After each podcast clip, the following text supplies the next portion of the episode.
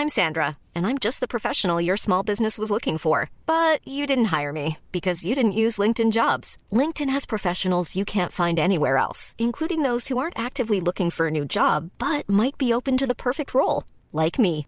In a given month, over 70% of LinkedIn users don't visit other leading job sites. So if you're not looking on LinkedIn, you'll miss out on great candidates like Sandra. Start hiring professionals like a professional. Post your free job on linkedin.com/people today. Many of us have those stubborn pounds that seem impossible to lose, no matter how good we eat or how hard we work out. My solution is PlushCare. PlushCare is a leading telehealth provider with doctors who are there for you day and night to partner with you in your weight loss journey. They can prescribe FDA-approved weight loss medications like Wagovi and Zepbound for those who qualify. Plus, they accept most insurance plans. To get started, visit plushcare.com slash weight loss. That's plushcare.com slash weight loss. Quality sleep is essential. That's why the Sleep Number Smart Bed is designed for your ever evolving sleep needs. Need a bed that's firmer or softer on either side? Helps you sleep at a comfortable temperature? Sleep Number Smart Beds let you individualize your comfort so you sleep better together. JD Power ranks Sleep Number number 1 in customer satisfaction with mattresses purchased in-store. And now save 40% on the Sleep Number limited edition Smart Bed for a limited time. For JD Power 2023 award information, visit jdpower.com/awards. Only at Sleep Number stores or sleepnumber.com. Palmemordet, gärningsmannaprofilen del 4. GMP-objekten. Idag ska vi vidta åtgärder i Palmeutredningen och se vilka gärningsmannen-profilen pekar mot. Eh, kolla gärna på facebook.com palmemordet för det är där jag fattar beslut om vilket som ska bli nästa spår. Det är där jag interagerar oftast. Ni kan också skriva kommentarer på YouTube. Det är förmodligen ännu effektivare än Facebook för att få tag i mig. Eh, jag jobbar heltid med att göra podcasts och eh, YouTube-grejer. Så jag är helt beroende av er sponsring. Så tycker ni om den här podcasten så blir ni glada när jag berättar att så länge vi har finansierade spår så kommer Palmemordet komma ut en gång i veckan. Jag bedömer att det finns material för att göra den här podcasten i åtskilliga år. Jag ska inte ha någonting emot att ägna ett år åt polisspåret. Men då måste jag kunna ställa mat på bordet. Så att ni kan sponsra den här på patreon.com palmemordet. Ni kan även sponsra mig med Paypal eller Swish. Och om ni vill göra det, vilket några har gjort, eh, så kontakta mig på Facebook. Idag ska vi alltså vidta åtgärder och hitta gärningsmannaprofilobjekt. Eh, jag vill först nämna lite mer kommentarer från Hans Ölvebro spaningsledaren vid det tillfället då, som blev väldigt imponerad av gärningsmannaprofilen. Och en fråga han fick var om han tyckte att gärningsmannen, gärningsmannaprofilen passade in på Christer Pettersson. Det är också den största bristen i gärningsmannaprofilen att det fanns en redan känd misstänkt då som de som gjorde gärningsmannaprofilen känner till. Och då svarade Hans Ölvebro så här. Jag, jag, tror inte att vårt svenska GMP-folk tycker att Christer Pettersson passar riktigt in sådär. Men han, han är tänkbar. Men FBI anser att det är mycket troligt att det är så. När vi var där och drog den svenska brottsanalysen och profilet för FBI-folket så sa de att vi vet ju att det har varit en person som varit mycket misstänkt och även åtalad och frikänd. Kan ni inte berätta om honom? Eftersom Janne Olsson och Ulf Åsgård inte hade tittat på Christer Pettersson så mycket så föll det på mig att berätta om detta. Och efter det så ansåg de att det var mycket troligt att Christer Pettersson är gärningsmannen. Men det är utifrån en... Den informationen jag lämnade fick jag alltså ta i minnet för vi hade ingen dokumentation med oss om honom.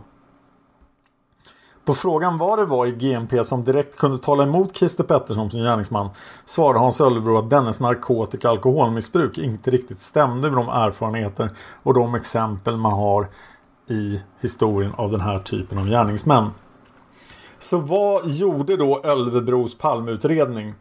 Jo, de gjorde en inventering ur GMP-synpunkt av tänkbara personer i eh, Palmeutredningens material avsnitt D, G och I. Och de tre avsnitten avsåg allmänna tips, farliga personer och vapen.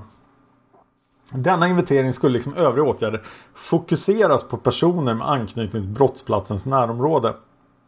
Och genom olika register skulle man försöka få fram uppgifter på ensamboende tänkbara personer inom mordplatsens område som inte förekom i Palmeutredningen. Genomgång av hotbrev, cirka 100 uppslag och tokbrev och möjligen identifiering av anonyma brevskrivare. Motsvarande uppgifter, det vill säga hot och tokbrev rörande Olof Palme skulle även införskaffas från Säkerhetspolisen. Man skulle göra en genomgång och kompletterande bearbetning av de vid det här tillfället 95 personer som hade erkänt mordet. I dagsläget då 2016 är det över 130 personer som har erkänt mordet på Olof Palme. Palmeutredningen skulle även göra utvidgade registerkontroller på tänkbara personer innebärande till exempel att civilstånd, släktingar, arbete, skolutbildning och vapenlicenser skulle kontrolleras enligt GMP. Man skulle göra en kontroll med säkerhetsansvariga inom regeringskansliet och med Socialdemokratiska partiets kansli om man där stött på personer som skulle kunna stämma in på gärningsmannaprofilen. Och man skulle göra kontroll av personer som visat ett onormalt stort intresse för utredningen. Man skulle förhöra Olof Palmes livvakter för att inventera eh, eventuella incidenter som inträffat i Olof Palmes närhet, få en beskrivning av hans vanor och försöka få fram iakttagelser av personer som brukade dyka upp i hans närhet eller vid hans olika framträdanden. Och det är ju helt fasansfullt att det här alltså inte är gjort åtta år efter mordet utan att de får den här idén nu. Man skulle även göra en fortlöpande kontroll och uppföljning av insamlat bildmaterial från Olof Palmes olika möten. Man skulle göra en granskning av Christer Pettersson igen, favoritsysselsättningen hos Palmeutredningen, i förhållande till gärningsmannaprofilen. Och då i första hand genom en kontroll av dagböckerna. Man skulle eventuellt göra en förnyad granskning av personer som haft permissioner eller varit försöksutskrivna från psykiatrisk klinik. Och de här åtgärderna genomfördes i huvudsak under våren 1994. Och Palmeutredningen upprättade på grundval av detta två olika aktivitetslistor. En GMP kontrolllista och en GMP objektlista. GMP kontrolllistan upptog alla tänkbara personer som hade aktualiserats. Och dessa blev sedan föremål för en särskild kontroll. Där överstämmelsen mellan personen i fråga och gärningsmannaprofilen undersöktes. Personer som stämde väl in på gärningsmannaprofilen benämnde, benämndes GMP-objekt och gjordes till föremål för fördjupad utredning. GMP kontrolllistan kommer uppta 86 punkter med individer som kunde vara av intresse. 86 punkter! En del av dem var oidentifierade. Sex personer kom sedermera att bedömas som GMP-objekt. Och ni har redan mött ett och han är den hetaste personen från hela gärningsmannaprofilen. Christer A. GH. Och tre av de här GMP-objekten kommer att återkomma i senare avsnitt. Så de kommer jag prata väldigt lite om. Men jag kommer att nämna de här i alla fall. I januari 1996 var 73 personer på kontrolllistan bedömda och avfärdade utredningen. Av de återstående hade tre klassats som GMP-objekt. Därefter har ytterligare personer avförts från kontrolllistan. Ja, och här kommer nu då listan på de 86 objekten som vi hade från början. Och jag vill läsa upp den här listan för jag tycker den är väldigt spännande och den visar hur otroligt många våldsamma galningar det fanns i Stockholm som hatade Palme. Men det första objektet och de, de intressanta objekten får alltså en bokstavskombination G och sen en ordningsbokstav. Så Christer A var GH och det här är GA. Och han kallas för avvikande man som lämnat uppgifter i utredningen.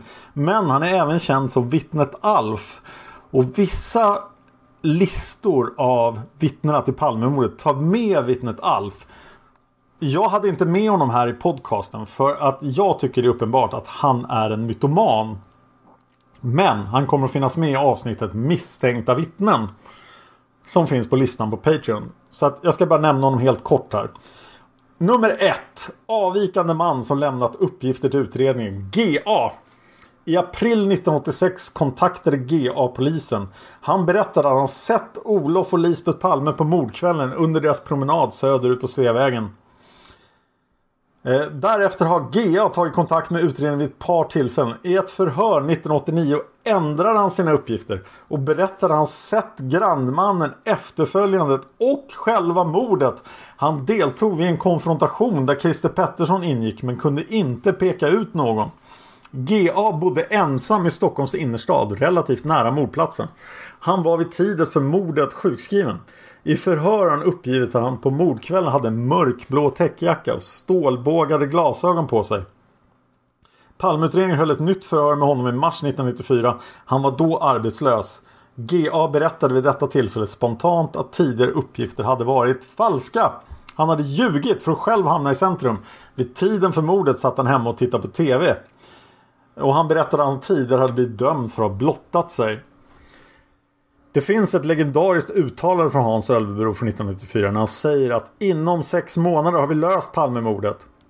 Och det var GA han tänkte på för att GA blir då extremt misstänkt för Palmemordet under en kort period. Men det ska vi som sagt prata mer om i misstänkta vittnen avsnittet. Person nummer två. Psykiskt störd person med anknytning till EAP. Och i den här rapporten har de ersatt alla namn med NN. I februari 1989 inkom ett anonymt tips till Palmeutredningen enligt vilket NN som var medlem i EAP hade mördat Olof Palme. NN hade hörts i december 1991. Han uppgav då att han varken var eller hade varit medlem i EAP. Han mindes inte vad han gjorde på kvällen då Olof Palme mördades. Han visste däremot att han kommit hem vid midnatt och att han fått veta nyheten genom en radioutsändning. NN var förtidspensionerad och bodde i en förort utanför Stockholm ensam i den villa som föräldrarna haft. En kvinnlig bekant till NN förhördes i februari 1994. Hon uppgav att NN visade påtagliga personlighetsstörningar. Han var folkskygg, mycket aggressiv och oberäknelig. Vid tiden för mordet brukade han bära en mörkblå täckjacka och tjocka glasögon. I februari 1994 hördes också en polis som stoppat NN när denne var ute och sprang mitt i natten. Polismannen bekräftade kvinnans uppfattning om personlighetsstörningar. Under en tid 1994 bedrev Palmeutredningen viss spaning mot NN. I nya förhör med honom eh, i mars 1994 medgav han att han haft visst samröre med EAP, dock inte vid tiden för mordet. Enligt kontroll med Säkerhetspolisen var NN inte känd där. I ärendet finns en av PU upprättad promemoria från mars 1994. Där NN beskrivs som undfallen, klen och tafflig och föga företagsam. Han bedöms sakna kurage till att utföra någon form av våldshandling och då icke minst bege sig till Stockholm city och föröva ett mord på öppen gata inför andras ögon. Men det är alltså åtta år efter mordet och man kan ju tänka sig att han kanske har förändrats till dess. Men han blev avskriven. Person nummer tre. Man iakttagen på mordplatsen årsdagen 1994. GB. Så den här killen fick en bokstavskombination. GB kom till Palmeutredningens kännedom genom den bevakning av mordplatsen och gravplatsen som skedde den 25-28 februari 1994. GB iakttogs då vid två tillfällen. Vid det första tillfället företogs personkontroll varvid när identifierades upplystes om han skulle komma och kallas till förhör av Palmeutredningen. Vid det andra tillfället uppträdde han mycket underligt vid mordplatsen. GB bodde vid tiden för mordet i en lägenhet i Gamla stan. I ett förhör i maj 1994 uppgav GB att han tillfälligt arbetade på ett statligt ämbetsverk beläget nära mordplatsen och att han på väg till och från arbetet brukade passera i dess närhet. Han uppgav att han troligen varit hos vänner utanför staden under mordkvällen. Efter flera turer bekräftades dessa uppgifter. GB vägrade uppge namnen på de personer han besökt men Palmeutredningen hittade dem och vännerna bekräftade det här i maj 1996. Men GB var då även fortsatt lite intressant då men är numera avskriven. Person nummer fyra. Psykiskt störd man med arbetsplats i mordkvarteren. I november 1998 tipsade en person Palmeutredningen om person nummer fyra. Denne sades vara rättshaverist och skulle vid tiden för mordet ha arbetat på Sveavägen nära mordplatsen. Tipsaren uppgav att NN utseendemässigt var lik Christer Pettersson, att han var psykiskt sjuk att han själv påstått att han varit på sitt tjänsterum på mordkvällen. I januari 1992 hördes NN. Han uppgav att han troligen hade varit ensam i hemmet i en förort vid tidpunkten för mordet. I februari 1992 inkom ett tips från en läkare som berättade att han hade en patient som hade bott eller arbetat i närheten av mordplatsen vid tiden för mordet. Patienten led av en särskild sorts schizofreni vanlig hos attentatmän vid denna typ av brott.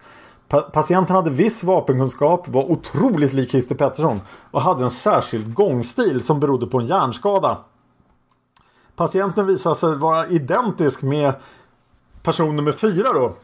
Och han hörs på nytt i september 1993. Han berättar då att han hade psykiska besvär innebärande bland annat obehagskänslor i folksamlingar. Eh, PU har även hört arbetsgivare och andra. Sen händer ingenting mer. Men den här killen tyckte jag lät som ganska misstänkt. Vi går vidare till person nummer 5. Psykiskt störd man boende i mordkvarteren. Dagen efter, mordet, dagen efter mordet inkom ett tips från en person som den 24 februari hade stött på en flicka i en port på en gata nära Sveavägen i mordkvarteren. Flickan hade skrikit att en man i en av lägenheterna var tokig. Personen som följde med flickan till lägenheten för att hämta hennes tillhörigheter hade därvid träffat en man, person nummer 5, i 35-årsåldern som gjort ett förskräckligt intryck. Den 2 mars 1986 inkom ytterligare tips från flickans före detta svärfar. Han berättade att person nummer 5 var känd för våldshandlingar och bodde nära mordsplatsen. I september 1998 när de var klara med kurderna och att göra ingenting så hördes flickan första gången. I mitten av november 1991, fem och ett halvt år efter mordet, så hörs då person nummer 5. Han berättar att han hade psykiska problem. Han hörde röster och hade vistats på mentalsjukhus vid två tillfällen. På mordkvällen hade han varit på 21-föreställningen på biografen Sandrews på Kungsgatan. Oj vad folk gick på bio 1986. Han hade promenerat dit och därvid passerat utanför biografen Grand. Hem hade han åkt tunnelbana. Vid denna tid hade han mycket kontakt med rösterna i hans huvud. De sa till honom att polisen skulle skjuta på honom. Han var därför rädd. Vidare berättar han att han var en så kallad nattvandrare. Han kände sig motarbetad av svenska myndigheter. I en promemoria upprättad av Palmeutredningen i november 1991 uppges att person nummer 5 vid tiden för mordet var efterlyst efter beslut om tvångsomhändertagande på grund av psykisk sjukdom. Då det kunde misstänka att han var uppenbart farlig för andra människor. Han anträffade sin bostad och fördes till sjukhus för vård. I december 1991 hörde Palmeutredningen två läkare som behandlade honom. Den ena sa sig aldrig ha uppfattat mannen som farlig. Den andra sa att mannen i och för sig var farlig men han inte trodde att denne var intressant för PU. Framförallt för att han inte skulle vara kapabel att lämna platsen efter att ha begått en sån gärning som att skjuta statsministern. Och då strök man den här personen. Så att där försvinner han ur utredningen. Person nummer 6 var en privatspanare. Och eh, har hamnat på listan för att han var privatspanare. Han förekommer i en mängd uppslag där han ger olika råd till Palmeutredningen. Det vore intressant att veta vem det var. Vilken privatspanare de hade pekat ut. Undrar om det var någon berömd. Om någon vet det så säg gärna till i kommentarerna. Person nummer sju. Anonym brevskrivare som ett flertal gånger skrivit till Olof Palme. Vid en kontakt med den person i regeringskansliet som haft hand om Olof Palmes skriftväxling kom vederbörande ihåg att i april 1986 eh, hade han en man som haft ett patologiskt intresse för Olof Palme. Mannen hade i flera år skrivit brev till Olof Palme och under ett visst namn, här förkortat G, framfört olika budskap. Det sista brevet kom i december 1985 och G framförde då att han var glad att Tage Erlander hade fått dö lycklig. Flera uppföljningsförhör genomfördes och 1991 lyckades man identifiera G. Med anledning av GMP kontrollerades i maj 1995 de brev som G skickat. Från regeringskansliet uppgavs därvid att han i breven varit positiv till Olof Palme. G undersöktes även på annat sätt. Vilket sätt då? Men eftersom inget av intresse framkom så avfördes person nummer 7, G. Person nummer 8. Avvikande man som uppgett sig vara ögonvittne till mordet. NN kontaktade i december 1998 polis, 1988 polisen och berättade att han varit 10 meter från mordplatsen när mordet inträffade. Vid ett par förhör i januari 1989 hördes han detaljerat om sina iakttagelser. Han vallades på mordplatsen och vidhöll då att gärningsmannen försvunnit rakt genom en bastant mur. Han berättar också att han hade själv hade varit intagen på mentalsjukhus för psykiska problem. Vid ett besök hemma hos person nummer 8 konstaterar polisen att han levde ensam i en vanskött lägenhet i en förort. I mars 1994 gick Palmeutredningen igenom uppslaget på nytt och konstaterade att person nummer 8s berättelse uppenbarligen var oriktig eftersom personen inte kan gå igenom murar. Bedömningen var att han helt kunde uteslutas som tänkbar gärningsman eftersom han var för tokig och för nedgången. Och det låter väl rimligt. Vi har kommit fram till person nummer 9. Man som lämnat uppgifter och sen erkänt mordet på Olof Palme. I mars 1986 hörde en reporter av sig och berättade att hon samtalade med en man som hade uppgifter att lämna om Palmemordet. Reporten ville ha samtalet spårat. Ett år sedan tog samme man kontakt med Anna-Greta Leijon för att lämna vissa uppgifter om mordet. I anledning av denna kontakt uppsökte polisen person nummer 9. Därvid konstaterades att han var en alkoholiserad stackare. Han berättade vid söket att det var en av Olof Palmes söner som skjutit Olof Palme. Ytterligare tips om mannen inkom under 1987. I november 1987 tog han själv kontakt med Palmeutredningen och erkände att det var han som var mördaren. Vid ett förhör samma dag bröt han samman och sa att allt har varit en stor lugn. Lögn! Vid registerslagningen som gjordes senare fanns en notering att mannen var psykiskt sjuk och dömd för våldsbrott. Men han blev avförd. Person nummer 10. Psykiskt störd, numera avliden man som inför bekanta erkänt mordet på Olof Palme. I januari 1987 lämnade en före detta arbetskamrat till person nummer 10 ett tips om att person nummer 10 som varit intagen på psykiatrisk klinik och haft mycket vapen i sin lägenhet. Varför hade alla så mycket vapen på 80-talet? Har folk fortfarande så mycket vapen i sina lägenheter? Han hade varit i Stockholm vid tiden för mordet och där sålt en revolver till en namngiven person i Sollentuna. Vid ett senare förhör har den med den före detta arbetskamraten uppgav den att person nummer 10 berättat för honom att det var han som mördade Olof Palme. Flexibility is great. That's why there's yoga. Flexibility for your insurance coverage is great too. That's why there's United Healthcare Insurance Plans. Underwritten by Golden Rule Insurance Company, United Healthcare Insurance Plans offer flexible, budget friendly coverage for medical, vision, dental, and more. One of these plans may be right for you if you're, say, between jobs, coming off your parents' plan, turning a side hustle into a full hustle, or even missed open enrollment. Want more flexibility? Find out more about United Healthcare Insurance Plans at uh1.com. Here's a cool fact a crocodile can't stick out its tongue. Another cool fact you can get short term health insurance for a month or just under a year in some states. United Healthcare short term insurance plans are designed for people who are between jobs, coming off their parents' plan, or turning a side hustle into a full time gig. Underwritten by Golden Rule Insurance Company, they offer flexible, budget friendly coverage with access to a nationwide network of doctors and hospitals. Get more cool facts about United Healthcare short term plans at uh1.com.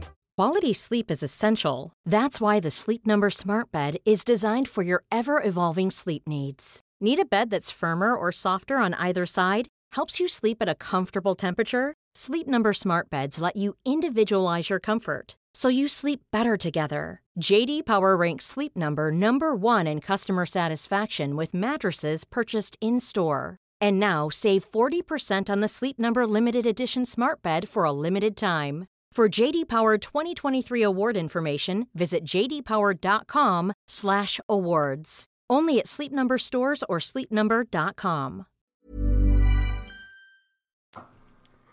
Därefter hölls ett flertal förhör med person nummer 10, den före detta arbetskamraten, person nummer 10s dotter och andra bekanta till honom. Flera av de hörda personerna uppgav att person nummer 10 ljög mycket. En läkare som haft person nummer 10 som patient uppgav att denna hade en avvikande personlighet. Att han var kronisk alkoholist och mytoman men inte våldsam. Samt att det var osannolikt att han skulle kunna haft med mordet att göra. Vid ett förhör i augusti 1987 erkände person nummer 10 att allt han sagt till sin förra arbetskamrat var lögn och att han bara velat göra sig märkvärdig och skoja lite. Person nummer 10 avled av en hjärtinfarkt 1988. Därefter har Palmeutredningen kontrollerat den namngivna personen i Sollentuna. Men den personen visade sig inte existera. Person nummer 11. Nynazisten.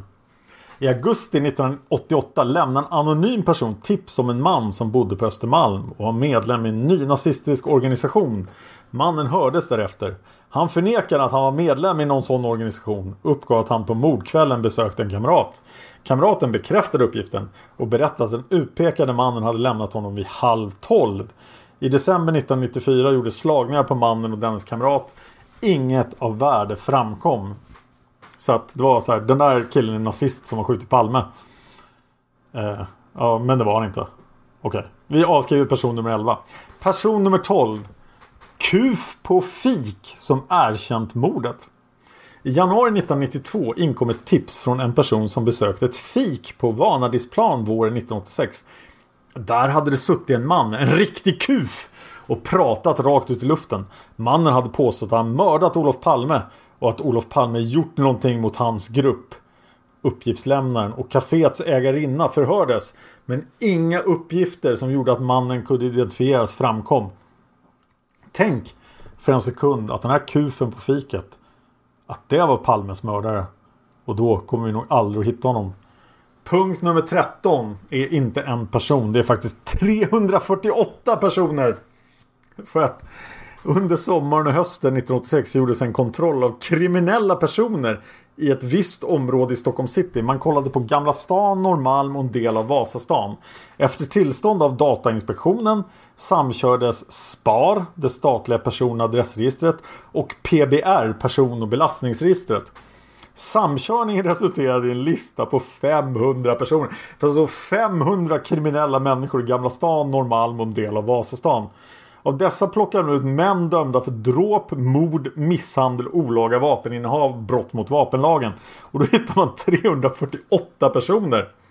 Sammanställning över de 348 männen registrerades i Palmebasen i april 1984. Därefter delades materialet upp på två områden, Gamla stan och city. Personer i city bearbetades. Eh, för att titta efter personer födda mellan 1936 och 56 och längd 170-190 cm. Efter denna bearbetning återstod 71 personer och dessa granskades manuellt. Granskningen ledde fram till en person och han återkommer som punkt 55 i den här listan. Punkt nummer 14. Oidentifierad man som hotat kvinna med revolver. Dagen efter mordet hörde en kvinna av sig till polisen. Hon berättade att hon i mitten av februari promenerat på Birger i riktning mot Odengatan. Utanför grekiska kyrkan stod en man som när hon passerade drog fram ett skjutvapen.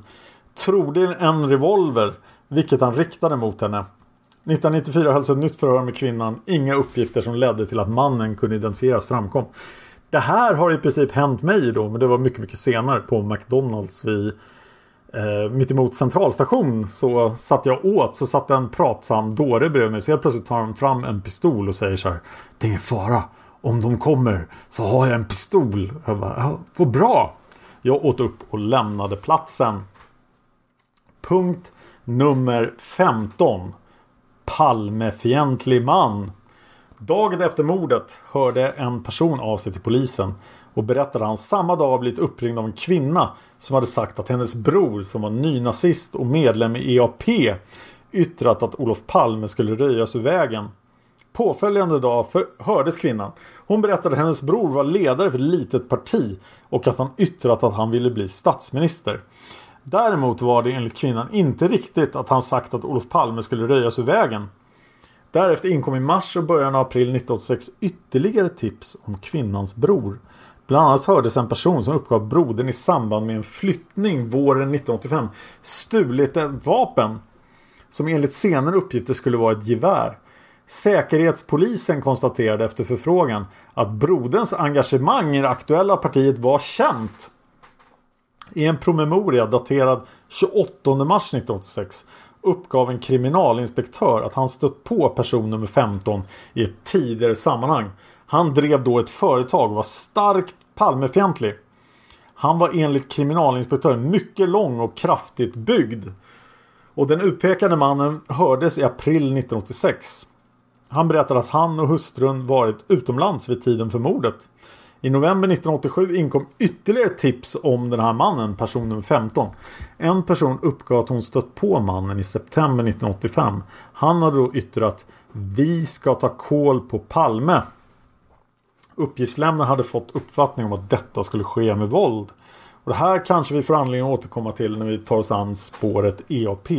För EAP hade en historia av förfölja och trakassera Palme. Person nummer 16. Psykiskt störd man boende i innerstaden som var våldsbenägen. Strax efter mordet fick polisen ett tips från en anonym läkare som tipsade om en psykiskt sjuk man med motiv att mörda Olof Palme. Läkaren berättar om en patient som sökt psykiatrisk vård 1983. Patienten hade haft fantasier om våld och velat döda folk på stan. Han har aggressioner mot staten. Enligt läkaren skulle han också ha vapen, vilket han blivit dömd för. En tid efter det att han sökt vård hade han strypt sin flickvän. Motivet för att döda Palme skulle enligt läkaren kunna vara att Olof Palme uttalat att han ville byta ut en svensk ambassadör med vilket person nummer 16 var släkt. Förhör hölls därefter med person nummer 16 och dennes moder. Person nummer 16 uppgav att han efter behandling var i mycket god balans.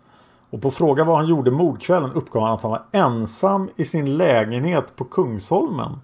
Modern uppgav i förhör att sonen numera var lugn, balanserad och skötsam. Den omtalade ambassadören var enligt modern en släkt på långt håll. Kontakt togs även med en överläkare på Säters sjukhus varifrån person nummer 16 var försöksutskriven vid tiden för mordet. Överläkaren berättade att han hade god kontakt med person nummer 16 och att det aldrig slagit honom att person nummer 16 skulle kunna vara inblandad i mordet på Olof Palme. Vid årsskiftet 93-94 hördes läkaren, den anonyme läkaren på nytt. Han berättade bland annat att patienten som sannolikt haft någon form av personlighetsstörning 1983 sagt att han skaffat vapen i avsikt att skjuta statsministern. Det som talade emot att person nummer 16 skulle vara gärningsmannen var enligt läkaren att denne för det fall han var skyldig skulle ha velat få beundran för sin gärning. Det vill säga att han skulle ha talat om saken. Och Palmeutredningen släppte inte den här killen riktigt utan de förhörde överläkaren på Säters sjukhus en gång till.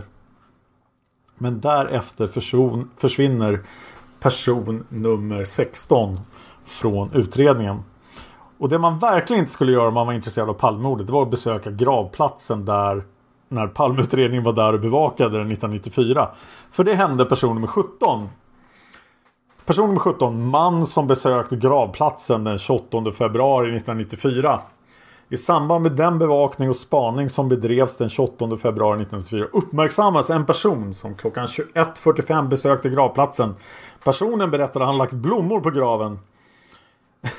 han informerades om att han eventuellt skulle bli kallad till förhör och en registerslagning genomfördes.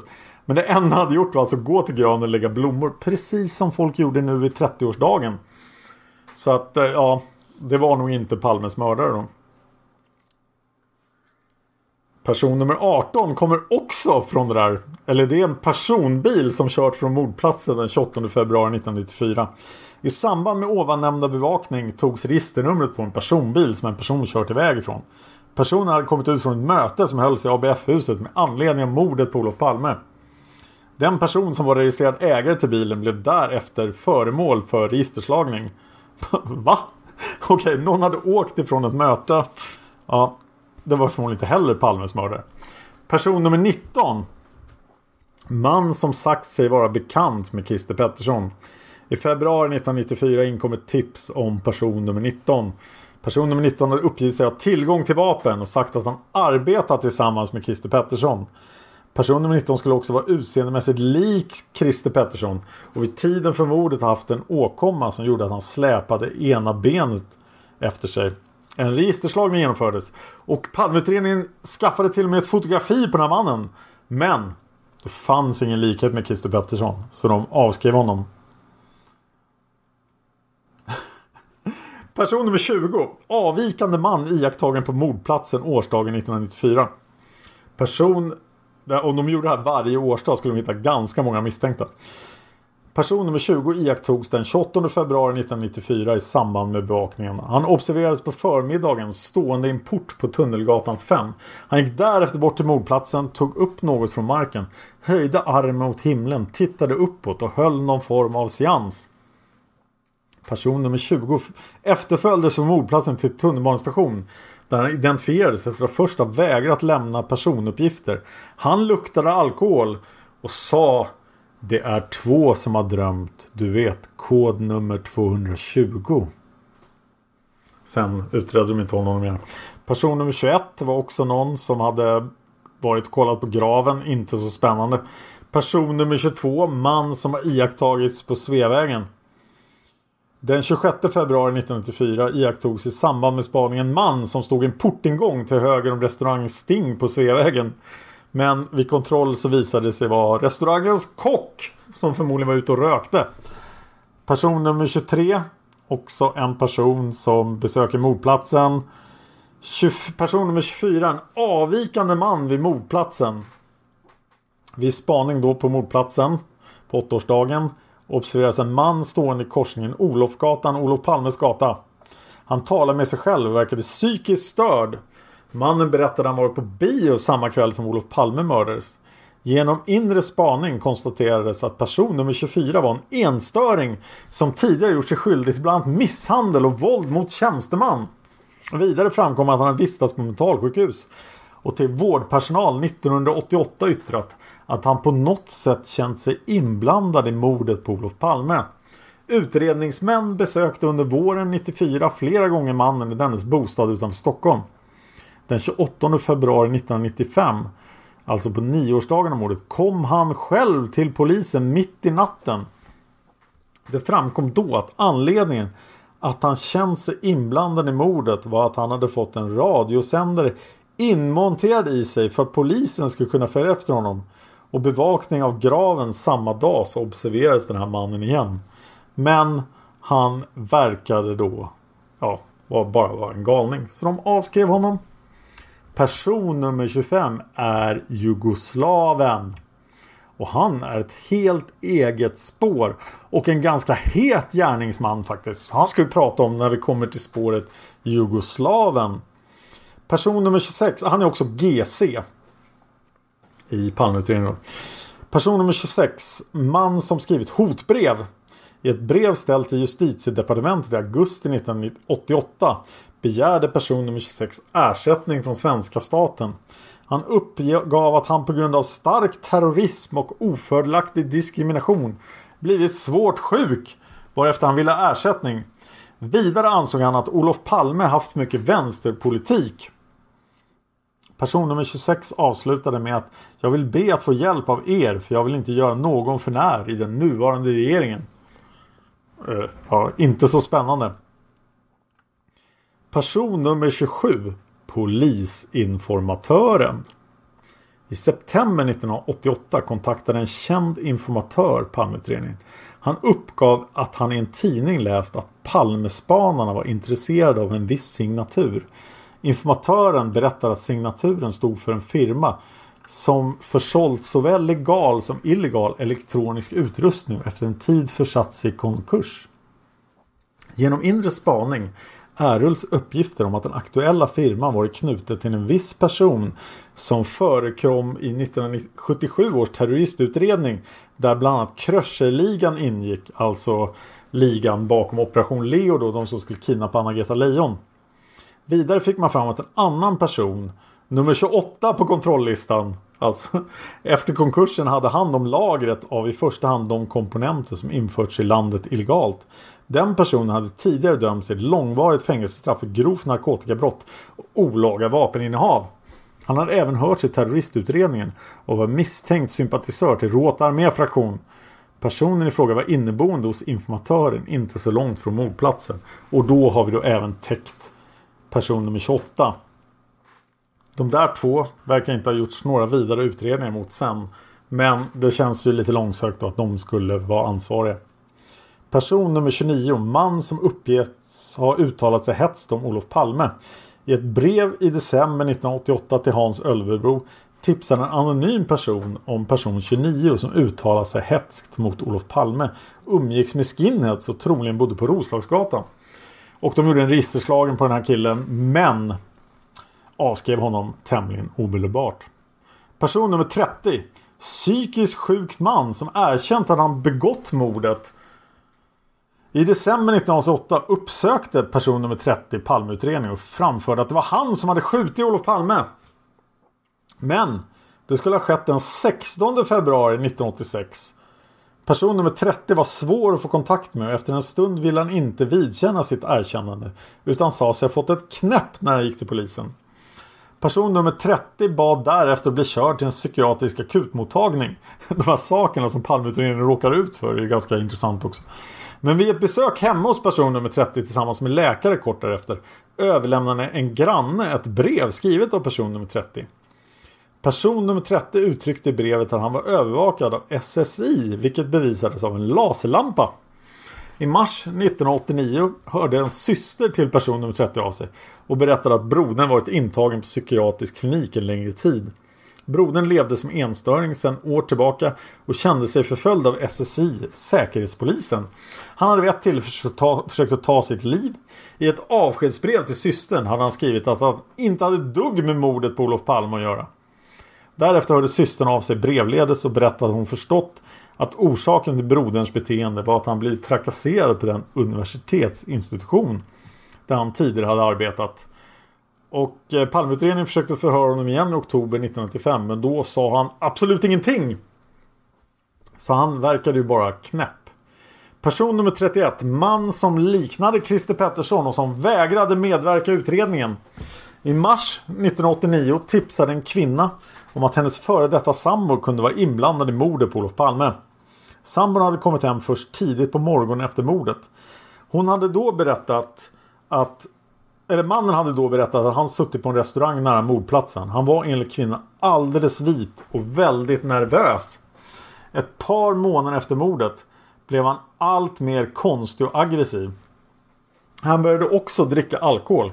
Kvinnan hade när hon lämnade sitt tips nyligen sett en bild på Christer Pettersson som hon fann nästan identisk lik sin sambo.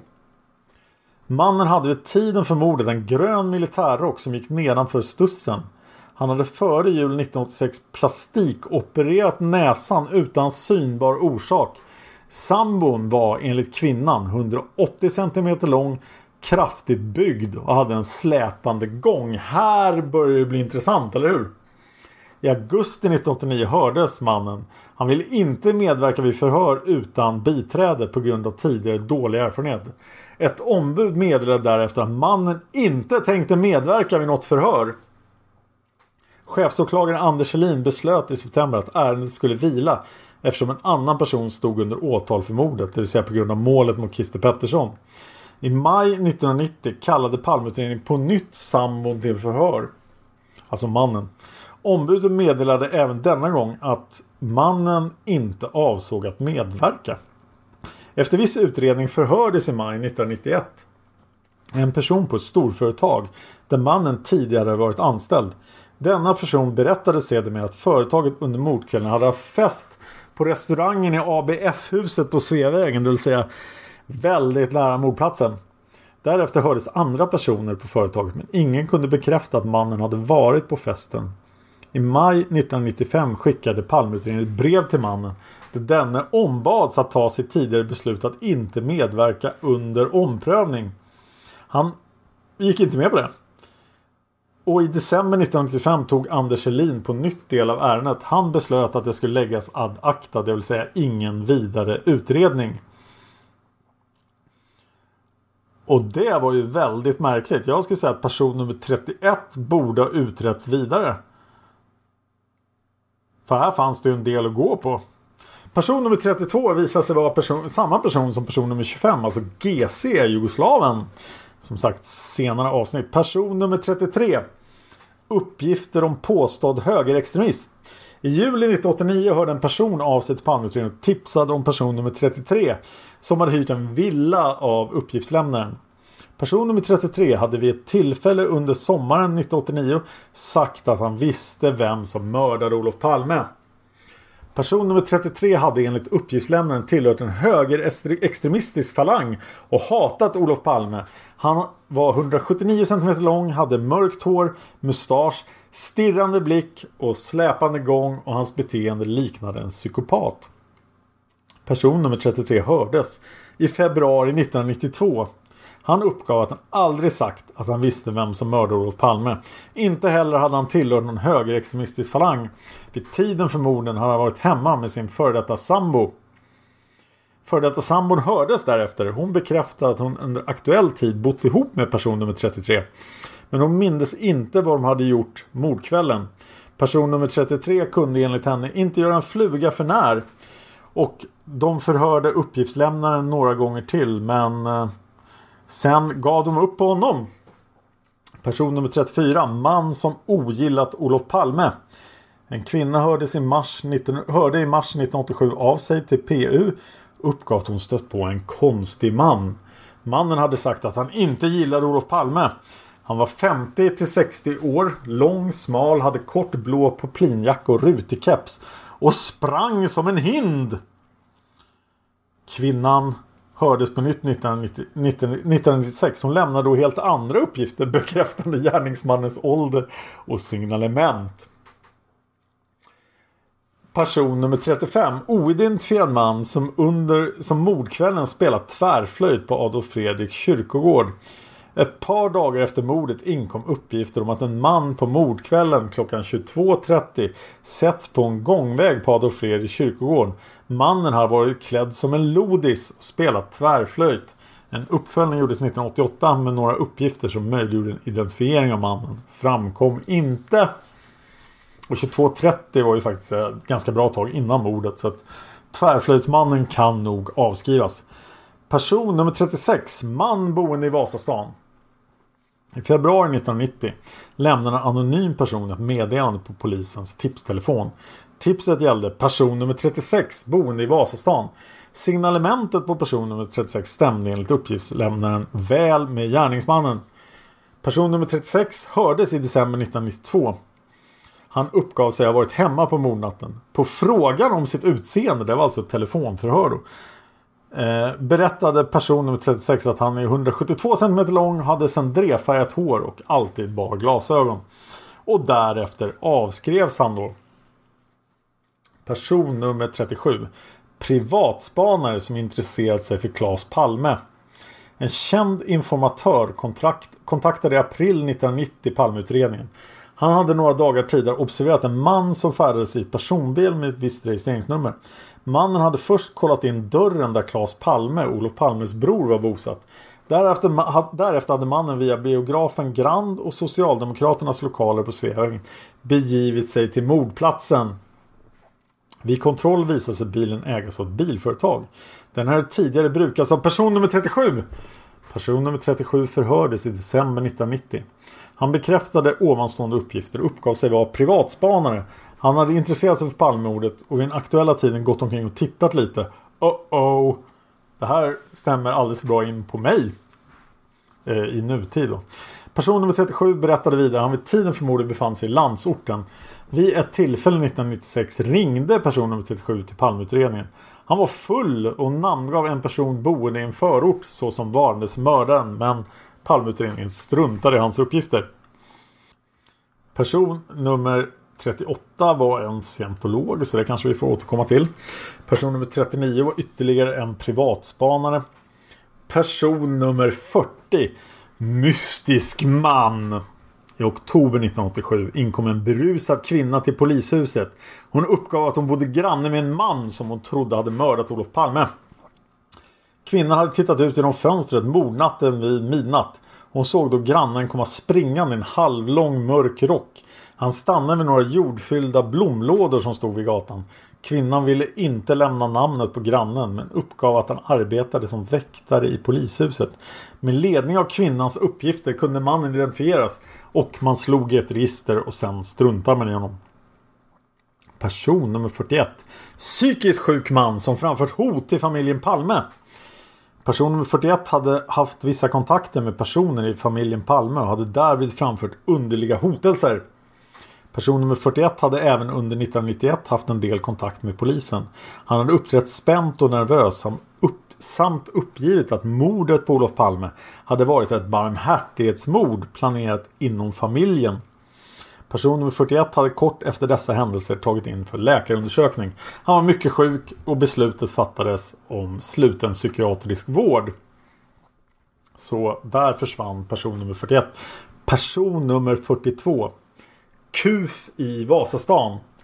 Redan dagen efter mordet inkom till polisen ett tips rörande en allmänt förvirrad, troligen psykiskt sjuk man. Mannen brukade observeras i Vasastan där han troligen bodde. Han var i 50-årsåldern, knappt 180 cm lång och bar en blå täckjacka och keps. Mannen hade vid flera tillfällen kommit i samspråk med uppgiftslämnaren. Han hade då bland annat uttryckt att vi lever i ett fascistsamhälle. I mars 83 hördes uppgiftslämnaren på nytt. Han uppgav därvid att den här mannen vid något tillfälle sagt att den här jävla Olof Palme, han borde ju skjutas. Vidare berättade han att han då och då såg mannen. Han lovade höra av sig vid nästa tillfälle. I maj 1994 kontaktade uppgiftslämnaren Palmeutredningen. Han berättade att person nummer 42 just besökt en viss guldsmedsbutik. Att han därefter promenerat till en viss adress där han för närvarande befann sig. Utredningsmän från Palmeutredningen ryckte ut och lyckades identifiera mannen som GD. Han var alltså tillräckligt viktig för att få bokstavskombination. Vid ett förhör sommaren 1994 uppgav GD att han varit sjukpensionerad sedan många år. Dagarna tillbringade han med att samla in tidningar och saker som var bra att ha. Enligt det protokoll som upprättats över förhöret var lägenheten belamrad med tidningar och annan bråte varefter utredningsmännen fick krypa in i lägenheten. GD berättade att han var avlyssnad av Säpo och KGB och att han aldrig tyckte om Olof Palme. Mordkvällen hade han tillbringat sin lägenhet och när han genom en radiosändning fått reda på att Olof Palme var skjuten bestämde han sig för att promenera till Sabbatsbergs sjukhus för att konstatera om det var sant. Och den här killen blev då Palmeutredningen väldigt intresserad av. Person nummer 43 var en dåre som var lik fantombilden. Och det har ju inget värde för man vet ju nu att fantombilden var felaktig. Han hade även stört Ingvar Carlsson. Person nummer 44. Palmefientlig man som vägrat medverka i utredningen. I februari 1992 inkom ett tips om en man som bodde i närheten av mordplatsen. Han har enligt uppgiftslämnaren hösten 1988 visat stor aggressivitet mot Olof Palme. Han skulle vara en god skytt och anordnat en champagnefest på natten efter Olof Palmes död. Efter registerkontroll, då det konstaterades att mannen hade licens på tre gevär, kallades han till förhör under februari 1993. Mannen vägrade emellertid och hänvisade Palmeutredningen till sin advokat. Kammaråklagaren Per-Erik Larsson beslöt den 30 mars 1993 att det inte fanns skäl att hämta mannen till förhör. Därefter har PU vid ett par tillfällen försökt få mannen att medverka vid ett förhör och det har inte lyckats. Eh, under 1995 hördes uppgiftslämnaren på nytt och viss inre spaning genomfördes. Det visade sig att den utpekade mannen, person 44, vid tiden för mordet bott på en annan adress än den först uppgivna. Troligen på Östermalm. Person nummer 45 var en annan dåre som dock hade alibi. Person nummer 46 var en ensamstående förtidspensionär. Person nummer 46 aktualiserades i Palmeutredningen i november 1989 då en berusad kvinna i ett telefontips uppgiv, uppgav att denna hade sagt att han skulle organisera någonting som skulle få stora rubriker. Efter en registerslagning i januari 96 hördes person nummer 46. Han var förtidspensionerad och ensamstående. Han var tidigare straffad för rån, misshandel men han sa sig aldrig haft ett skjutvapen. Och han hade aldrig sagt att han skulle organisera någonting och mordkvällen visste han inte vad han hade gjort. Person nummer 47. Psykiskt störd man som betecknas som farlig. Person nummer 47 aktualiserades i PU som ett resultat av gärningsmannaprofilen. I en promemoria upprättad av PU i mars 94 berättas om hur en läkare på en akutmottagning för psykiskt sjuka 1981 anmälde till våldsroten i Stockholm att han hyste allvarlig oro för en patient person 47 som uttalat sig hotfullt om en viss polisman. Person 47 hade berättat att han några år tidigare blivit stoppad av polismannen när han i berusat tillstånd körde bil och han påstod sig därefter ha blivit misshandlad. Person nummer 47 hade sagt till läkaren att han skulle skjuta polismannen som hämnd. Han hade för detta ändamål införskaffat ett vapen. Med ledning av läkarens uppgifter så blev det husrannsakan hemma hos person 47. Varvid ett avsågat hagelgevär och ammunition hittades. Under förhör med honom har han vidhållit sina hotelser. Person 47 dömdes för hot mot tjänsteman och olaga vapeninnehav till två månaders fängelse. Under 1990 upprepade person 47 sina hotelser mot polismannen men åtalades inte. I promemorian betecknades person 47 som farlig. Han var ogift, levde under oordnade förhållanden och stämde väl in på gärningsmannaprofilen. Och i december 1995 hölls ett förhör med honom. Han uppgav att han varit hos en kamrat vid tidpunkten för mordet och kamraten hördes också. Men denne mindes inte om person 47 varit hemma hos honom vid ifrågavarande tidpunkt. Person nummer 48, ännu en dåre. Person nummer 49, man som hotat att döda Olof Palme. Under de första dagarna efter mordet inkom tre olika tips om person 49. Denne skulle ha fått sin son omhändertagen av myndigheterna och nyligen har förlorat vårdnaden. Han skulle vara mycket hatisk mot det svenska rättssystemet och i flera tillfällen har uttalat sig om att han skulle döda Olof Palme. Person 49 hördes tidigt i utredningen. Han avfärdas eh, avfördes efter några veckor då det visade sig att han hade alibi för mordet. Vid tidpunkten i fråga hade han pratat i telefon med en kvinna i en ideell organisation och kvinnan bekräftade det. Person nummer 50, en av hetingarna, han har fått bokstav. Han är GE. Psykiskt sjuk man som uppträtt konstigt i samband med mordet. I september 1988 kontaktade en polisman från södra Sverige Palmeutredningen. Polismannen hade varit på semesterresa utomlands och då träffat på en person som under mordkvällen fått ett konstigt samtal från en arbetskollega. I februari 1994 erhöll PU en promemoria upprättad av Säkerhetspolisen i Luleå. En man hade vänt sig till Säkerhetspolisen och uppgett att hans svåger hade värdefulla upplysningar angående Palmemordet. Svågen visade sig, vara identisk, visade sig vara identisk med den person som den semestrade polismannen träffat. Enligt uppgiftslämnaren hade svågen och den före detta svägerskan sålt sin lägenhet i Stockholm till en person som var bekant med Olof Palme. Under mordkvällen hade svågen blivit uppringd av en kollega, GE, som frågat efter telefonnumret till Olof Palmes bekant. GE hade tidigare pratat om Olof Palmes svek. Han har varit föremål för mentalvård.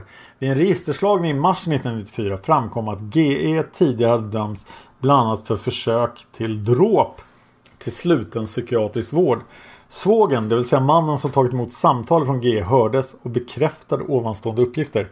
GE hade enligt mannen låtit förvirrad vid telefonsamtalet under mordkvällen. När mannen fick kännedom om statsministermordet hade han blivit orolig och ringt upp GEs före detta sambo. Hon hade tagit reda på att GE hade tillbringat mordnatten hos en person som bodde ett kvarter från biografens Grand. Eh, GEs broder hördes därefter. Han berättade att GE tidigare hade haft alkoholproblem som utvecklats till manodepression. Att han varit i mycket dålig skick vid tiden för mordet. Varefter han tagits in för vård några dagar senare. Brodern uppgav också att GE förutom en kortare period 1992 under hela sitt vuxna liv haft helskägg. Och det lät ju inte så bra. Men det här är alltså en av de sex personer som har fått en bokstav. Eh, eller bedöms vara ett så kallat GMP-objekt. Det finns fler som har fått bokstäver. Person nummer 51. Kriminell och psykiskt störd man med utpräglad Palmehat. Och den här killen är ett eget spår som finns på Patreon. Så han ska vi inte prata mer om nu. Han är alltså GF. Person nummer 52. Revolverägare som satt i fängelse vid tidpunkten för mordet. Kort tid efter mordet inkom flera tips om en man som skulle vara innehavare av flera revolvrar, hölster och walkie-talkie. Vid en registerslagning 92 framkom att mannen 85 hade dömts till fängelse för rattfylleri. Mannen förhördes och uppgav att han avtjänat fängelsestraff vid tiden för mordet. Uppgiften kontrollerades och bekräftades av personal. Så han var inte skyldig. Här kommer min favoritperson. Person nummer 53. Det här, den här killen är inte Palmes mördare. Ful och farlig man. Ett drygt dygn efter mordet inkom ett anonymt tips om en ful och farlig man. Denne sades vara ful och farlig och ha rätt signalement. I oktober 1990 gjordes en registerslagning varav framgick att ful och farlig man hade dömts för misshandel och olaga vapeninnehav. Men det olaga vapeninnehavet visade sig vid en kontroll avse ett armborst. Så ful och farlig man inte skyldig. Person nummer 54. Tipsare som var lik Christer Pettersson. I april 1986 uppsökte en känd före detta gangster polisen för att lämna tips om en annan person som skulle ha en revolver 357 Magnum i sitt bankfack. Personen skulle vara medlem i Nordiska rikspartiet och ha berättat att han visste att mördaren efter mordet gömt sig på vinden i Johannes kyrka. Han skulle där ha glömt kvar två bärbara walkie-talkies. Med anledning av tipset genomsökte polisen kyrkans vind utan resultat. I april 1995 tipsade en person som varit hemma hos uppgiftslämnaren eh, Palmeutredningen om denne. Uppgiftslämnaren hade haft skottsäkert glas i sin lägenhet. Och han berättat att hans lägenhetsfönster skulle klara en 357. Enligt dessa uppgifter var den första uppgiftslämnaren otroligt lik Christer Pettersson. Person nummer 55. Butiksägare vid Grand. Han hittades då under punkt 13. Han var en, den mest intressanta av de 348 personerna. Han har alltså ägt en butik nära biografen Grand. Palmeutredningen åkte dit och kontrollerade att från butikens fönster kunde man inte se biografen. Och därmed avskrevs det då. Nu börjar min röst ge upp här. Jag måste dricka någonting. Person nummer 56 är en man som bor nära mordplatsen men är reumatiker. Person nummer 57 är eh, eh, också pekar mot jugoslaven då kom de sist fram. Så att jugoslaven har dykt upp på tre olika ställen i det här. Punkt 58 är kontroll av tv-program med minnesgudstjänst för Alva Myrdal. Dagen efter mordet ringde en person och berättade att hans fru gjort en observation på TV under minnesgudstjänsten för Alva Myrdal. Frun hade sett en man som stod och iakttog Olof Palme. Uppgiftslämnaren föreslog att polisen skulle titta på tv-programmet.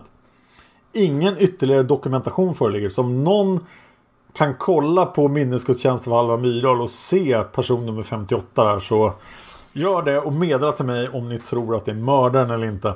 Person nummer 59, man med hatisk inställning till samhället. Och eh, ja, någon hade hört honom vara hatisk mot samhället. Person nummer 60.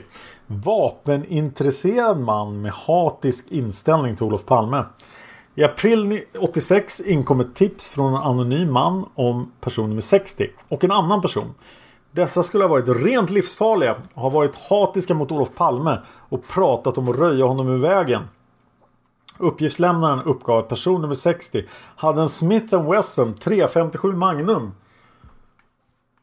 Samma månad inkom ytterligare ett tips om person nummer 60 som enligt uppgift alltid gick beväpnad. Var innehavare av ett grovkalibrigt vapen och vid ett tillfälle visat upp ovanlig ammunition. Dags att förhöra person nummer 60 och vid förhör berättade person nummer 60 han var aktiv tävlingsskytt och hade licens på åtta vapen. Dock ingen Smith Wesson 357 Magnum. Uppgifterna han brukade bära vapen var enligt honom själv felaktig. Och mordkvällen hade han tillbringat tillsammans med sin före detta fästmö. Hon bekräftade person nummer 60s uppgifter om mordkvällen. Så han blev avskriven. Person nummer 61 var en dåre som var avliden. Och hade för dålig kondition för att kunna vara gärningsmannen. Sen kommer en annan favorit. Person nummer 62. Otrevlig man vid valstuga. Och här, är ju, hur mycket galningar har inte upptagit Palmeutredningens tid? I februari 94 kontaktar en kvinna polisen och berättar att hon i augusti-september 91 arbetat i en av Socialdemokraternas valstugor i Sundbyberg. Vid ett tillfälle hade en man kommit fram till henne och beskrivit hur det gick till i skottögonblicket när Olof Palme sköts. Mannen hade haltat och påmint om Christer Pettersson. Kvinnan uppgav att en viss polisman kände till mannen. Efter flera kontakter med polismannen kunde Palmeutredningen fastställa den utpekade mannens identitet. Enligt polismannen rörde det sig om en allmänt otrevlig typ som antastade och hotade folk. Men det var ju lite substans i det här tipset. Jag tycker man borde bli lite mer utredning. Men det blev det inte. Nummer 63, ännu en dåre som hade dött. Person nummer 64, uppgiftslämnare från Slussen. I mars 86 hörde en person av sig till polisen och berättade att under mordnatten cirka klockan 02.30 befunnit sig under en trappa i Slussen. Ja, det låter ju otrevligt. Han hade då observerat en man som kom gående. Mannen som burit på en systemkasse som han efter att ha tittat sig omkring hade dumpat i vattnet. Kassan hade sjunkit som en sten och uppgiftslämnaren trodde att det möjligen kunde vara mordvapnet. Uppgiftslämnaren vallades på platsen och fick peka ut var mannen kastat i kassen samt var han själv då befann sig. Uppgiftslämnaren förhördes igen 89 och 92. 89 uppgav han att mannen han sett hade en gångstil som väl överstämmer med Christer Pettersson. På frågan berättade uppgiftslämnaren att han själv befunnit sig ensam i sin lägenhet fram till midnatt. Så han har alltså gått ut vid midnatt och gått in under en trappa vid Slussen. Spännande, det lät som en uh, intressant fredagskväll. Person nummer 65. Mystisk hotellgäst. I mars 1986 tipsade personal på ett hotell i innerstan om en gäst som bott på hotellet 27 februari till 1 mars. Gästen hade under sin vistelse inte bäddat upp sängen utan bara legat ovanpå. All förtäring hade skett på rummet. Den första mars hade gästen eh, checkat ut först efter upprepade påstötningar. Av hotellkortet framgick att gästen troligen var bosatt på en viss adress i Stockholmstrakten. I april 1986 kallades den utpekade hotellgästen till förhör. Kallelsen kom i retur eftersom adressaten avflyttat. Därefter spenderades två år på att försöka hitta den här killen. I november 92 lyckades man få tag på honom. Han bekräftar att han under aktuell tid inte haft någon fast bostad utan flyttat runt mellan olika andrahandslägenheter och ibland tvingats bo på hotell. Vad han gjorde eller var han vistades vid tiden för mordet på Olof Palme mindes han inte. Person nummer 66 Oidentifierad man som sätts rusa in i en port på Birger En person anmälde i april 1986 att hon befunnit sig på en, utanför en adress på Birger vid cirka klockan 23.25 23.30 på mordkvällen. Han hade då sett en man komma springande och stanna på andra sidan gatan. Efter att ha sett sig omkring gick mannen över gatan och rusade in i en viss port. Enligt uppgiftslämnaren stämde mannen signalement väl in på person nummer 66 som bodde där. Person nummer 66 förhördes och uppgav att han tillbringat mordkvällen på en restaurang tillsammans med en angiven person. Personen i fråga förhördes och bekräftade att han varit tillsammans med person 66 på mordkvällen mellan klockan 18 och 24. Och eh, då avskrevs person nummer 66. Person nummer 67. Oidentifierad restauranggäst som skrev Jag är Olof Palmes mördare på notan. I mars 86 hörde personal på en restaurang i Stockholm av sig till Palmeutredningen. De hade haft en gäst som lämnat kvar notan på bordet. På notan stod det skrivet jag är Olof Palmes mördare. Det är mig de letar efter. Men polisen är så långt borta från mig de kan vara. Men vad gör det om hundra år? Inget tror jag. Och där vill jag inflika, jag tror att det gör massor om hundra år om det verkligen var honom. Polisen förhörde den kvinnan som serverat mannen. Hon uppgav att han var 27 till 35 år, hade mörkblont kort hår, mustasch, var småfet och plufsig samt klädd i mörkblå täckjacka. Under 1995 hördes kvinnan på nytt. Också en annan kvinna som arbetade på restaurangen vid tillfället förhördes. Hon mindes mannen som konstig och förvirrad. Han föll helt utanför ramen som Palmes mördare. Enligt kvinnan var han en stackare och det han skrivit var rent båg. Och Palmeutredningen gav också upp på honom. Person nummer 68. Falsk uppgift om man vid mordplatsen. En vecka efter mordet hörde en person av sig till polisen och uppgav att person 68 hade uppehållit sig vid mordplatsen vid tiden för mordet. Person 68 skulle bo på ett studenthem i närheten. Person 68 hördes i maj 86. Han berättade att han under mordkvällen varit på bio på Stureplan. Därefter han besökt en hamburgerrestaurang och sen åkt hem. Han hade inte befunnit sig på mordplatsen. Han hade däremot i ett reportage om mordet skrivit att han aktuell kväll besökt mordplatsen. Detta var dock inte med sanningen överstämmande utan endast fantasier. Reportaget hade publicerats i en lokaltidning i en viss angiven stad. Polisen kontrollerade då lokaltidningen angivna staden. Men ingen sån artikel som person 68 nämnt hade publicerats. 1987 kom det via ett annat tips fram att artikeln publicerats i en tidning i en annan stad. Va? Person nummer 69 är samma som person nummer 8 visade sig senare. Person nummer 70. Utländsk man som ringt och tagit på sig ansvar för mordet. Den 3 mars 86 meddelade Sveriges generalkonsulat i Köln att man fått samtal från person 70 som uppgivit att han mördat Olof Palme. Person nummer 70 hade berättat att han var amerikansk medborgare. Att han fått 200 000 Deutschmark för uppdraget. Han nu var på väg till Sverige för att överlämna sig till polisen. Det är alltså bara tre dagar efter mordet. Den 8 mars 1986 ringde en person som kallade sig person nummer 70 i polisen. Person nummer 70 talar engelska med utländsk brytning och uppgav sig ringa från Köln. Han hade sett en bild av gärningsmannen eh, i tysk tv och ville meddela att detta var fel. Och fantombilden var ju fel. Och han berättade att det var han själv som var gärningsmannen. Och att han hade fått 200 000 Deutschmark för att utföra mordet. Och han ringde igen den 9 mars. Den 11 mars underrättades polisens kontaktman i Tyskland. För att Palmeutredningen genom tyska polisen skulle få tipset undersökt. Men sen hände absolut ingenting. Så om det var Palmes mördare som ringde från Tyskland så kom han undan. Han måste uppenbarligen ha ångrat sig om att erkänna mordet. Och han levde gott med sina 200 000 Deutschmark. Person nummer 71 var någon som hade pratat om att mörda Olof Palme långt innan mordet. Person nummer 72. Man som innehade tidningar om mordet. Någon vecka efter mordet inkom ett tips från en person som arbetade som chaufför. Denna person hade ett par dagar tidigare levererat möbler till en lägenhet i landsorten.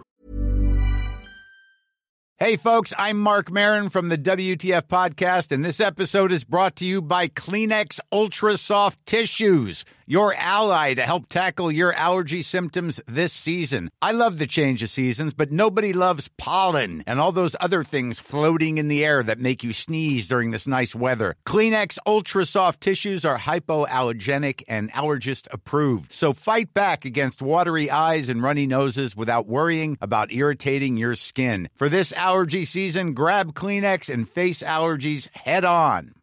Flexibility is great. That's why there's yoga. Flexibility for your insurance coverage is great too. That's why there's United Healthcare Insurance Plans. Underwritten by Golden Rule Insurance Company, United Healthcare Insurance Plans offer flexible, budget friendly coverage for medical, vision, dental, and more. One of these plans may be right for you if you're, say, between jobs, coming off your parents' plan, turning a side hustle into a full hustle, or even missed open enrollment. Want more flexibility? Find out more about United Healthcare Insurance Plans at uh1.com. Planning for your next trip? Elevate your travel style with Quince. Quince has all the jet setting essentials you'll want for your next getaway, like European linen, premium luggage options, buttery soft Italian leather bags, and so much more. And is all priced at 50 to 80% less than similar brands. Plus, Quince only works with factories that use safe and ethical manufacturing practices. Pack your bags with high-quality essentials you'll be wearing for vacations to come with Quince. Go to quince.com slash pack for free shipping and 365-day returns. I lägenheten låg anmärkningsvärt många tidningsartiklar om mordet. Personen som tog emot möblerna verkade konstig och var fåordig. När han skrev ut en check som betalning för möblerna var det i det närmaste mörkt i lägenheten. Personen identifierades och en registerslagning skedde 92 men den visade inget av intresse. Så om det var den här mannen som hade klippt ut så mycket saker om mordet så kom han också undan.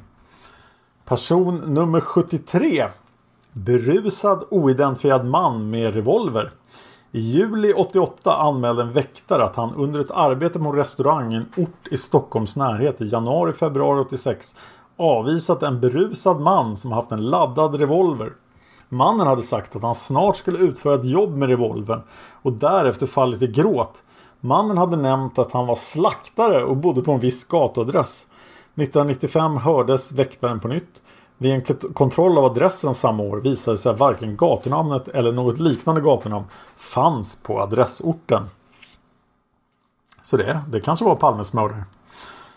Eh, person nummer 74, man som tidigare dömts för dråp. I november 87 hörde en man som ville vara anonym av sig till polisen. Bekräftade han tidigt på morgonen efter mordet sett en viss bil och en revolver Smith Wesson. En person, person nummer 74, som dömts för dråp till åtta års fängelse skulle vara inblandad. Ett par veckor senare ringde den anonyma mannen på nytt och bekräftade han, han den 2 mars 86 sett person 74 komma bärande på en pistol från en bil som parkerats i närheten av bostaden. Av en registerslagning framgick, en registerslagning gjordes 91 och det framgick att den här mannen hade dömts för dråp 86. Så i september 92 förhördes person nummer 74. Han uppgav att när Olof Palme mördades var intagen kriminalvårdsanstalt och därefter vägrade han yttra sig. En tredje som bara håller tyst. Vid en kontroll av person 74 så visade det sig att han hade frigivits från fängelset den 27 februari. Och där slutar historien om person nummer 74. Person nummer 75. Psykiskt störd man som lämnat förvirrade uppgifter. I januari 88 meddelar en person Eh, person 75 per telefon att han hade upplysningar att lämna angående Palmemordet. Att polisen måste komma genast. Mannen lät psykiskt sjuk. När polisen anlände till adressen stod person 75 med hustru och son iklädda ytterkläder. Han uppgav att han fruktade för familjens säkerhet och vägrade säga något för familjen befann sig i trygghet. Polisen tog då med sig hela familjen till polisstationen. Hustrun berättade att mannen varit orolig och konstig ända sedan han var inne i staden under dagen. När han kom hem hade han sagt att han hade lösningen på Palmemordet. Person 75 ville att minst fyra poliser skulle närvara när han förhördes. Trots att detta ordnades vägrade han prata om inte högste chefen för Palmeutredningen var på plats. Så småningom berättade han att det var Svartenbrand och en anställd på Sveriges Radio som låg bakom mordet.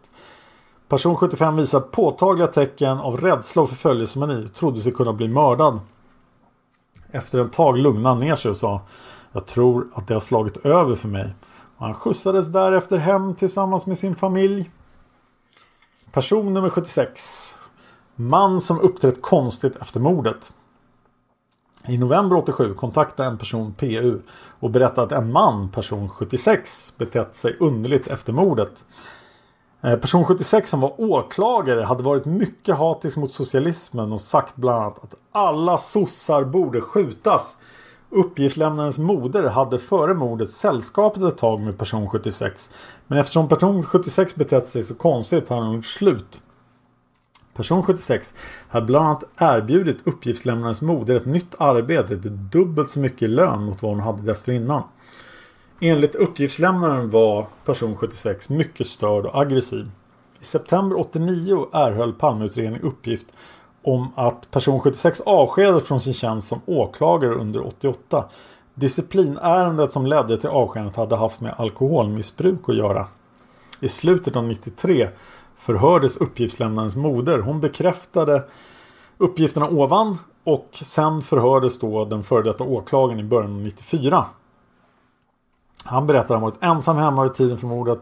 Han var varken politiskt intresserad eller särskilt vapenintresserad och han ställde sig väldigt frågande till uppgifterna som lämnats om honom.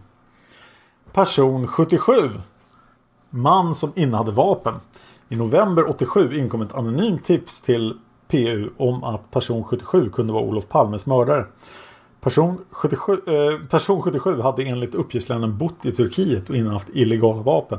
Bland annat en Magnum Uppgiftslämnaren som inte kände person 77 väl upprepar flera gånger kolla hans vapen. Men vi vet inte vad PU gjorde då. Förmodligen ingenting. Person 78. Revolverinnehavare som begått självmord. I januari 88 hörde en person av sig till PU och berättade att en man han kände vid tillfället visat en Magnum-revolver med lång pipa. I oktober samma år förhördes mannen. Denna berättade han ett år tidigare i sitt vapenskåp förvarat en 357 Magnum åt sambons son som höll på att ta licens på vapnet. Licensinnehavare var sambons sons pappa, person 78. Mannen uppgav att person 78 köpt vapnet efter mordet och att vapnet kontrollerats av polisen. Med en kontroll med ifrågavarande polismyndighet bekräftades att person 78 hade licens på vapnet och att detta var uppvisat en dryg månad efter mordet. 93 hördes en anonym person av sig till PU och berättade att person 78 tagit livet av sig sommaren 91 genom att skjuta sig med en revolver. Enligt uppgiftslämnaren hade person 78 känt Christer Pettersson. Uppgiftslämnaren uppgav att han varken hört eller trodde att person 78 var inblandad i mordet. Person 79 är ett eget spår som finns på Patreon. Det är GG, psykiskt sjuk man med fixering vid Olof Palme och därför ska jag inte prata mera om honom. Person nummer 80 är ett, en oidentifierad man som framträtt i media vid signalementet på gärningsmannen. I ett inslag i nyhetsprogram i TV i februari 8, 88 lämnade vittnet Lennart ett signalement på gärningsmannen enligt följande. Avlångt ansikte, kraftigt mörkt hår, mörkblå täckjacka modell äldre, något för korta långbyxor, klumpigt beteende och hunkande långsamt. Palmeutredningen har försökt identifiera det här vittnet Lennart, men har inte lyckats. Person nummer 81. Numera avliden man som brukade uppträda hotfullt. En anonym taxichaufför anmälde i februari 88 till PU att han föregående dag kört en man som varit brusad, uppträtt hotfullt och berättade att han mördat en mängd personer. Han sa sig ha vapen och vara hörd i Palmeutredningen. På den aktuella adressen hördes fastighetsskötaren. Hon uppgav att passagerarens signalement och uppträdande mycket väl stämde med en med hur en boende i huset brukade bete sig i berusat tillstånd. Vid en registerslagning i november 96 konstateras att den här mannen hade dött i oktober 93. Person nummer 82 är Christer A. GH. Och han har vi pratat om i tre avsnitt. Person 83. Oidentifierad rättshaverist. Som var långt ut på högerskalan men inte särskilt intressant. Person nummer 84. Psykiskt störd man. Som tagit kontakt med Palmeutredningen. Här kommer en bra teori om Palmemordet. Person nummer 84 skickade i april 94 ett brev till Palmeutredningen. I brevet skrev person 84 att han trodde att kulan som dödade Olof Palme egentligen var avsedd för honom. Eftersom många hatar honom och anklagar honom för att ha porrat med en liten flicka. Att Olof Palme blev den som blev skjuten berodde på att person 84 älskade Lisbeth en gång i tiden. Därefter skickade person 84 ytterligare brev med liknande innehåll. Efter att ha blivit kallad till förhör inkom person 84 överraskande i februari 96 till Palmeutredningen. Enligt protokoll från besöket företedde person 84 klara tecken på psykisk ohälsa men gav intryck av att vara oförarglig och fridsam. Person 84 uppgav att han känt sig delaktig i mordet eftersom han inte velat besöka en förståndshandikappad man. Han trodde att denne man hade mördat Olof Palme som hämnd för detta. Person 85. Man som påstods vara förvirrad, ha vaggande gång med mera. Några dagar efter mordet hörde en kvinna av sig till polisen och berättade att i källaren i ett visst hyreshus fanns en man som verkade gömma sig. Mannen som skulle varit förvirrad och aggressiv hade funnits i källaren sedan mordet. Polisen letade igenom källaren men fann ingen man. Härefter hörde kvinnan av sig vid flera tillfällen med några dagars mellanrum. Kvinnan namngav mannen och berättade att denne var en före detta sambo till henne. Enligt kvinnan skulle mannen själv ha sagt att det var han som var mördaren. Han hade dessutom en vaggande gång och han hade haft en mörkblå täckjacka av äldre modell som försvunnit efter mordet. I november 87 fick Palmeutredningen kontakt med mannen som berättade att han aldrig hade haft med Olof Palme att göra och att han reparerade sin bil på fredagskvällen när mordet hände. Eh, ja, vad ska man säga om det? Den sista personen, person 86, man som sprit rykten om mordet. I början av mars 86 kontaktade en person polisen och berättade om en man som en vecka före mordet skulle ha hört att en svensk ledare skulle komma att mördas. I ett uppföljningsförhör samma månad uppgav uppgiftslämnaren att han inte fäst särskilt stor vikt vid uppgifterna. Han hade fått uppfattningen att mannen som lämnat dem endast ville visa sig viktig. I mars 93 förhördes mannen.